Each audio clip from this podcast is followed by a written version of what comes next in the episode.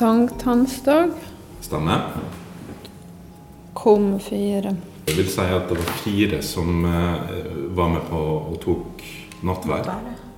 Da er vi ikke på celle 11, men på skarperetterrommet i utstillinga her på Justismuseet. I rommet der hodeskallen står. Og vi har med oss resten av de ansatte på museet. Pridige.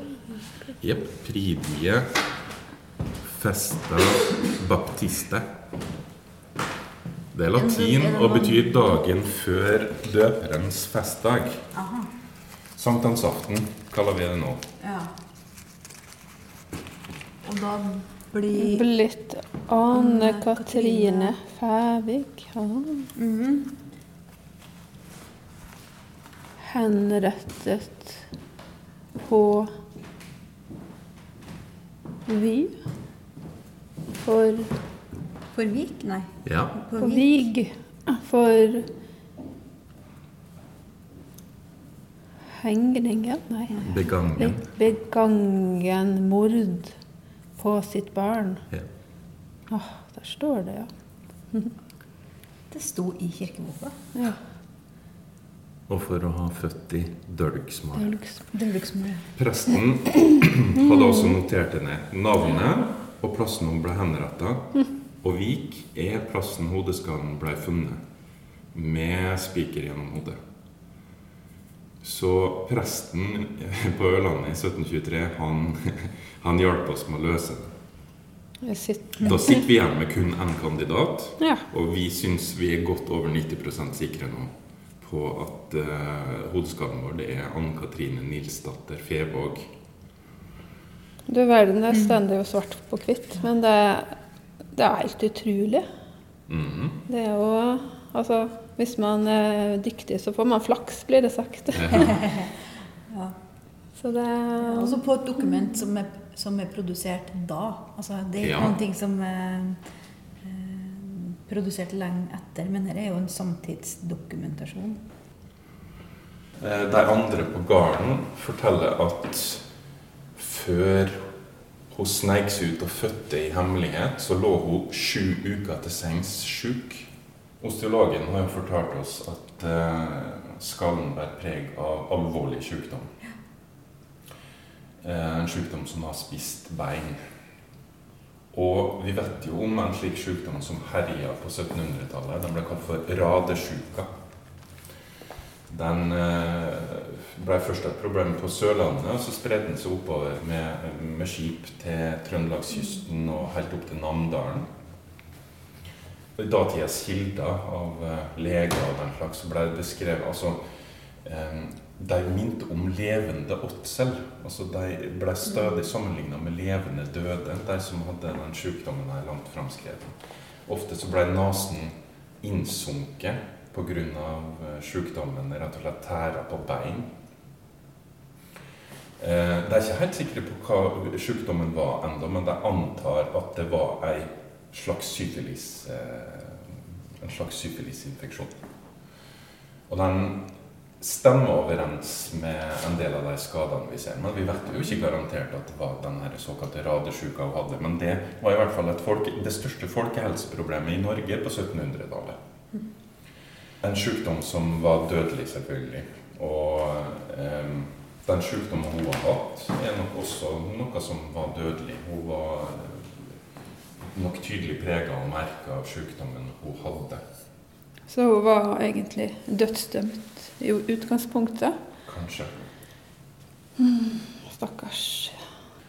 Men det er ganske det, det er veldig rart, fordi at på en måte så lå det jo i sakens natur at denne historien skulle få en, en sørgelig altså om, om vi skulle finne løsningen, så ville det være et sørgelig punktum.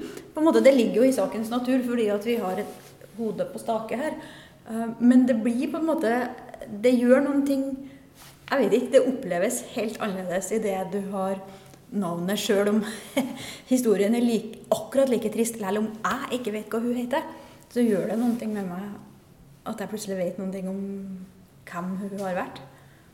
Det, det gir liksom ikke mening sånn formelt sett, på en måte, men, men vi blir prega av det. Det er også noe med at det, det utstyret som ligger her, det er jo ganske mange Her er jo økser og sverd som er blitt brukt på rå og brutale mordere. Og, eh, og så har det jo hun, litt i kontrast, tenker jeg. For jeg vet jo navnet på en del av disse her morderne her. Men så, som du sier, hun har vært stille og mild, og ingen har sagt noe vondt om henne. Og så har hun gjort den her ene tingen som hun tydelig angrer veldig på, og som hun syns hun fortjener å dø for. Og det er jo da det blir veldig, veldig trist, tenker jeg.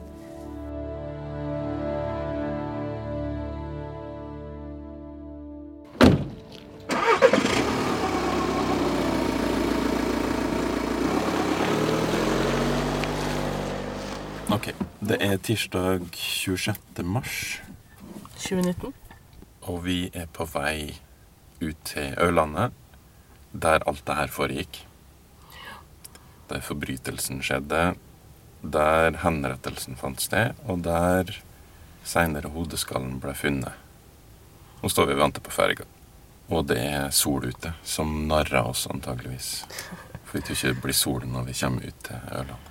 Ja, og så kommer en jo til å tenke på sånn eh, Rett og slett hvordan var været den dagen henrettelsen fant sted. Eller forbrytelsen, for den saks skyld. Var det hennes første barn, eller vet du det?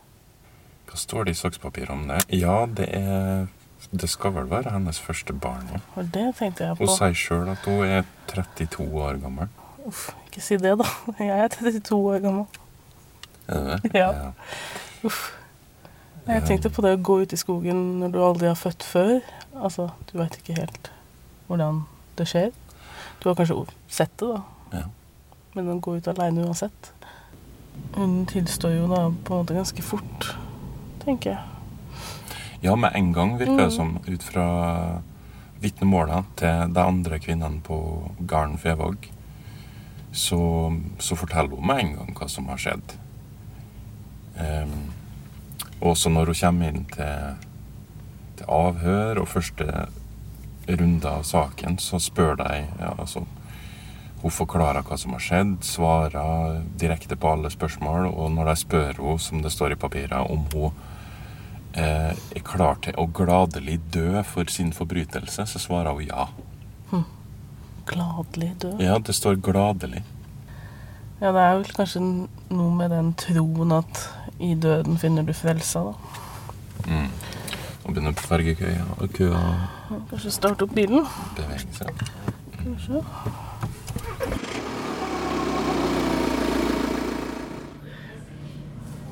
Jeg vil liksom forestille meg akkurat hvordan det kunne vært. Det er litt rart å, å, å prøve med vilje å forestille seg noe så fælt. Ja, spesielt når det dreier seg om noe Altså, hvis det er et eller annet sånn eh, En forbrytelse som et drap eller mordbrann eller noe sånt, så er det på underlig vis litt sånn lettere å, å forestille seg, sikkert fordi at vi er så vant med krim og, og den slags. Ser det på film. Ja, men når det dreier seg om det der med å skjule graviditeten, føde et barn du absolutt ikke vil ha, som du tror du ikke kan ta vare på, og, og situasjonen er så ille at du velger å ta livet av barnet, det er noe helt annet, altså. Det er ikke sånt Det er ikke underholdningsmateriale. Jeg tenker over På turen utover Fosen fortsatte vi å diskutere Anne Katrine og skjebnen hennes. Vi snakka om hvordan det vil oppleves for oss å besøke de her plassene der hun levde, ble dømt og døde. Etter to timers biltur er vi framme på Austrått. Borga og landskapet er dekt av tung nysnø. Vaktmesteren møter oss og låser oss inn. Vi tar plass i et kaldt rom med murvegger, og rekker så vidt å sette i gang lydopptakeren før den lokale eksperten begynner å fortelle oss om Austråts historie. Daniel Johansen heter jeg. Er kunsthistoriker og jobber for tida som prosjektleder for eh, et utviklingsarbeid med fokus på Austrått-landskapet. Både hva angår natur- og kulturarv i det området her. Så jeg jobber på Ørland kommune da, med det prosjektet. Anne Katrine hun var jo i tjeneste på en gard som heter Fevåg. Og for de som hører på og ikke er lommekjent på eh, Fosen Så ligger det rett på andre sida av fjorden, over Sjørnfjorden for Austrått. Når du står på Austrått og ser over, så ser du rett på Fevåg. Så det er da i dagens Indre Fosen kommune. Ja. Og gardsfolket på, på Fevåg eh, de gikk kanskje til kirka her? på Rodde til Ja, ja. Det var en del av Ørland sogn og prestegjeld. Er det en lang rotur? Det tar ca. Med, en- med en båt med rimelig bra motor, så tar det ca. et kvarters tid å kjøre over. Uh, hvis du skal ro, ja ja. Det tar det en stund. Ja. Jeg tror de seilte, Ja. Mm. Det var riktig sant. Hvis de hadde bodd hvis de hadde godbær. Mulig de bontes og rodde noen søndager, men det var Det var jo, altså Når det gjelder henrettelser, så, så var det hovedsakelig to måter å gjøre det på på den tida der. Enten så skulle det foregå på stedet der forbrytelsen var begått. Eller så ble det gjort på et eh, etablert rettersted. Eh, Veit vi noe om hvordan det fungerte i, her ute på Ørlandet på den tida der? Det er ikke sagt eller skrevet at Vik var Austrått gods rettersted, men det er antatt at det var det. I en periode, i hvert fall. Når det skulle være en offentlig henrettelse, så vet vi jo fra andre plasser at det, det brukte å være en begivenhet som samla hele bygda for å se på. Hvor mange da ville samla seg her på, på Ørlandet, på Vik, på retterstedet, og henrettelsen av Anne Katrine? Nei, det kunne vært opp mot 1000 mennesker. Opp mot 1000. Ja, Det tror jeg ikke ville vært usannsynlig. fordi at eh, det ville jo ikke bare komme folk fra Ørlandet, men det ville jo også komme folk fra Sjørna, fra Fevåg, der hvor forbrytelsen hadde skjedd. Alle dem som kjente henne, og alle slektningene derifra. Og det var ikke så ofte sånne ting skjedde. Det hadde jo, hadde, hadde jo virkelig ikke skjedd på lenge. Så, så dermed så kom det jo helt sikkert folk fra Bjugn og fra hele godset, vil jeg tro, for å overvære det der. Eh, ja, vi har jo vært litt inne på det, da. Men eh, kort oppsummert, hva er det som skilte lov og rett på Austrått sitt område fra praksisen andre plasser? Nei, altså man måtte jo dømme etter loven. Loven var jo ikke Det var ikke en egen lov som gjaldt for Austrått. Men hals og hånd, sikt og sakefallsrett het det. Og i tilfelle med tjenestepika fra Fevåg, så skjønner du hva, hva, hva første stavelse i hals og hånd handler om. Retten til å fradømme folk hals og hånd. Eh, Det lå som en del av de adelige privilegiene. Og, og, og det å håndheve kongens lov på vegne av kongen, det å ta bøteinntekter til seg sjøl på vegne av kongen Du kan se det litt eh, i sammenheng med det å slippe å skatte for sin hovedgård. Eh, altså de særlige skatteprivilegiene som adelen hadde. Altså det at det gjøres unntak fra den, den regelen som gjelder for alle andre borgere. Fordi dette er eid av en adelsmann som har særlige privilegier.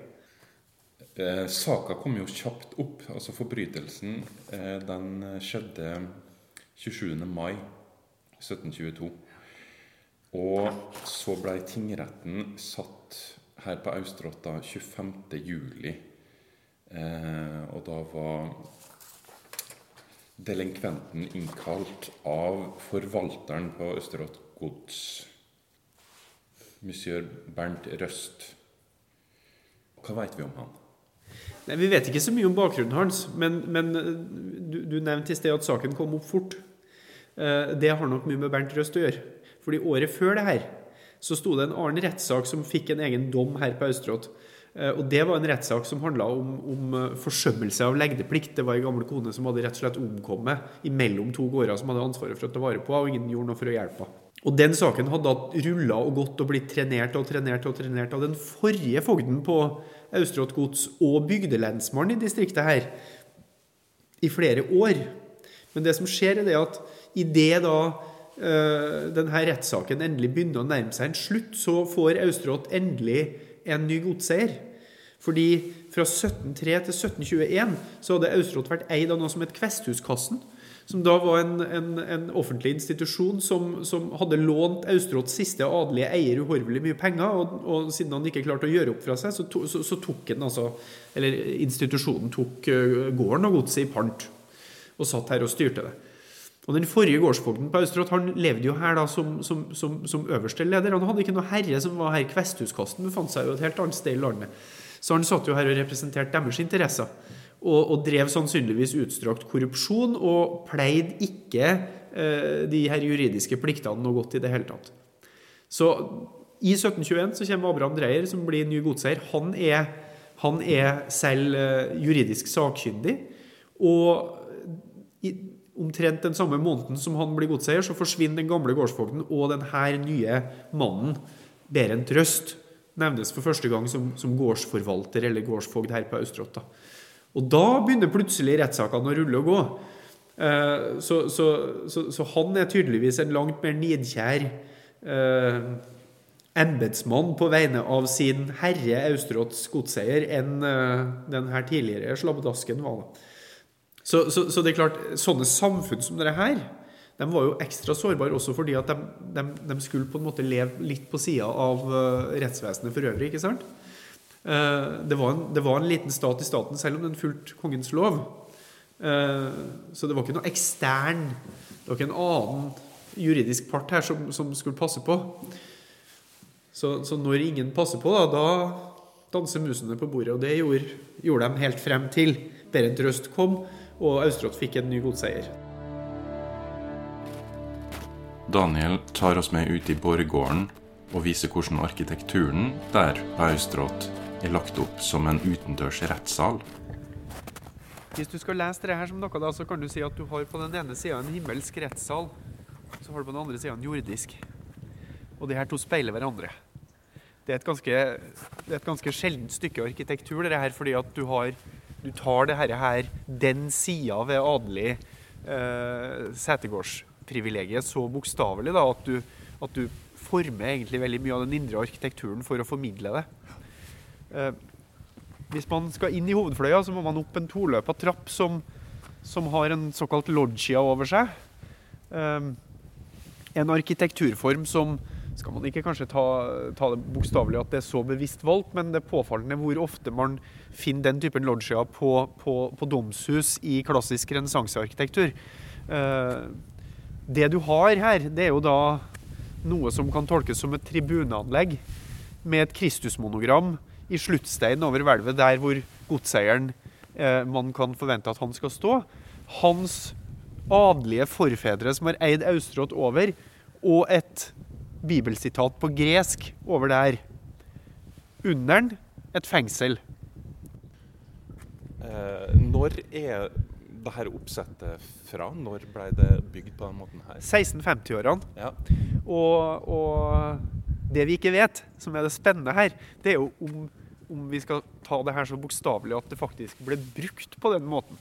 At godseieren selv sto der. At uh, de som skulle dømmes, sto uh, på kne, eller hvordan du skal se det for deg i, her i Øvre Borgård, eller kanskje til og med ned i Nedre. Uh, sannsynligvis så er nok det her mer symbolsk enn det er praktisk. Jeg tror nok at rettssakene foregikk i borgstua eller i et hus på hovedgården et eller annet sted som, som det passa seg. Uh, det kan godt hende at dommene ble lest opp her. Uh, men om det der rommet under trappa faktisk også ble brukt som fengsel, eller om det var mer et symbolsk fengsel også, det, det vet vi heller ikke. Men et eller annet sted på herregården ble jo folk bura inne, for vi har jo veldig mange kilder til folk som har sittet her fanga. Vi tar farvel med Daniel og forlater Austrått gjennom den samme porten som Anne Katrine gikk ut i 1722, men hun gikk ut med en dødsdom over seg. Knapt et år seinere så blei hun henretta bare to kilometer herfra.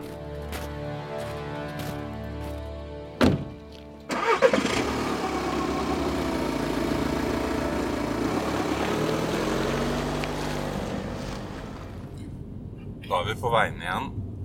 På vei bort fra Ørlandet igjen i slutt. Og surt vær. Men det er veldig rart, for jeg har vært på Østerått mange ganger. Men det var veldig annerledes å komme dit nå. Det var en helt annen følelse når man skulle stige inn der for å, for å tenke over det rettslige som skjedde, for det har jeg aldri egentlig gjort. For meg så har det alltid bare vært sånn hyggelig sted å ha en piknik og se på det fine bygget. Ja, så kan vi jo prøve å, å, å tenke oss hvordan det var da for Anne Katrine å bli ført inn gjennom portene der. Eh, så ble hun kanskje ført inn av lensmannen. Eh, og hun var dagens midtpunkt. Eh, og det var den minst ønskelige posisjonen å ha. Denne personen som kom inn gjennom porten da, hun var tiltalt for en forbrytelse som det var dødsstraff for. Og jeg tror ikke mange som møtte opp til saka, var i tvil om hva utfallet kom til å bli. Nei. Hun hadde allerede innrømt hva hun hadde gjort, og i forhør eh, sagt at hun gladelig ville dø for det her forbrytelsen hun hadde begått. Ja, en, en mann som da kom dit bare en, et år i forveien, var det det? Ja. Han skal nå sitte der og bare passe på at, eh, at denne unge damen skal bare få hodet på stake. Det er en ting som har egentlig slått meg flere ganger i løpet av hele denne undersøkelsen, at hver gang du forteller en sånn liten informasjonsnøtt, da, så blir jeg litt sånn Å, kjempebra, nå har vi funnet mer. Og så er selve informasjonen skikkelig forferdelig. Så for eksempel, du fortalte at hun hadde ligget til sengs i syv uker. Det må må ha vært ganske forferdelig. Men i hodet mitt så er jeg bare Å, liksom, kanskje det, det er jo sammenheng med den fysiske skallen, ikke sant? ja. Så det tok liksom et halvt sekund før jeg greide å oversette fra det, det rent sånn undersøkelses Nå er jeg eh, Ja. detektiv, sant? Og til eh, Vent litt, dette her betyr at hun har hatt det veldig fælt. Jeg kjenner igjen den der. Det er en delt opplevelse hver gang vi har funnet ut noe nytt. For det er litt sånn Først så kommer den her tilfredsstillelsen, tilfredsstillelsen av å eh, skjønne at OK, her har vi en, et nytt stykke informasjon. Vi har et eh, nytt spor, en ny brikke i puslespillet. Men så er alle de tinga vi finner ut, er jo tragiske og triste.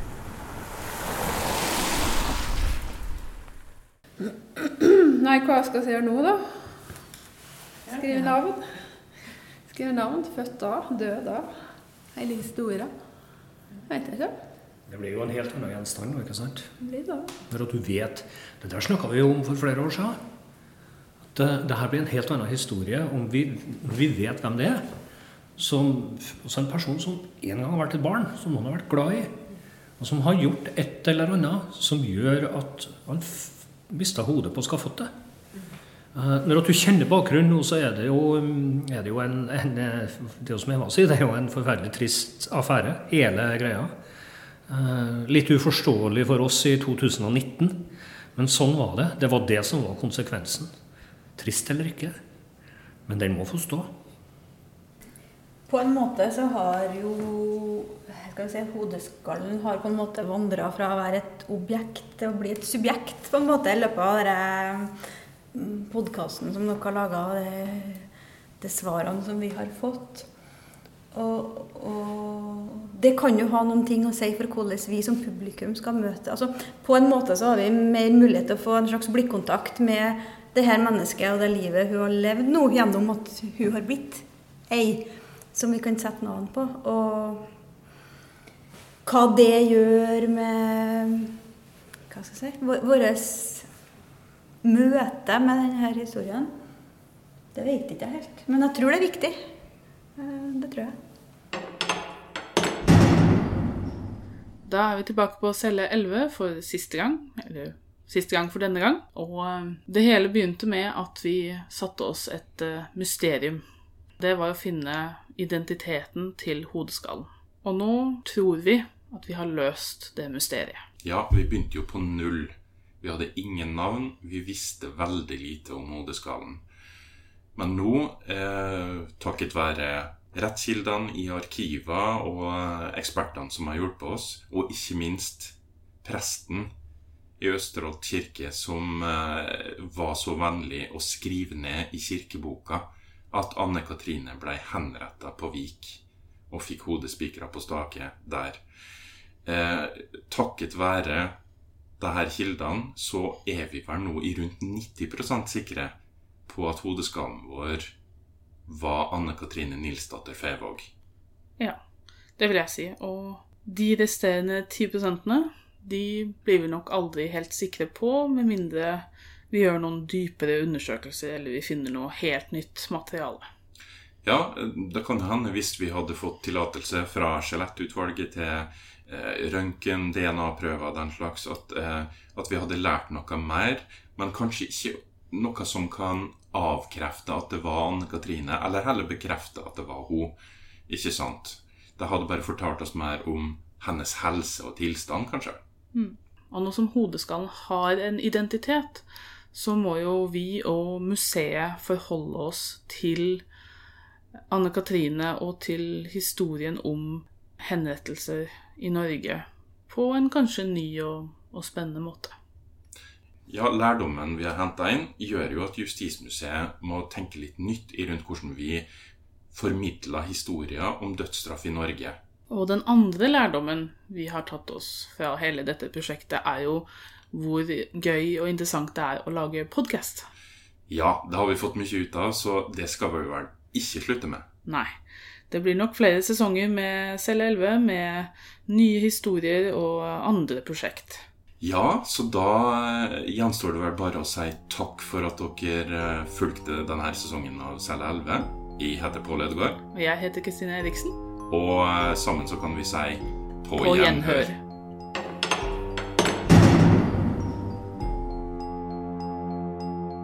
Celle 11 er produsert av Justismuseets Pål Ødegaard og Kristine Eriksen, med støtte ifra Fritt Ord. Vil du vite mer, følg Celle 11 på Facebook, eller gå inn på justismuseet.no.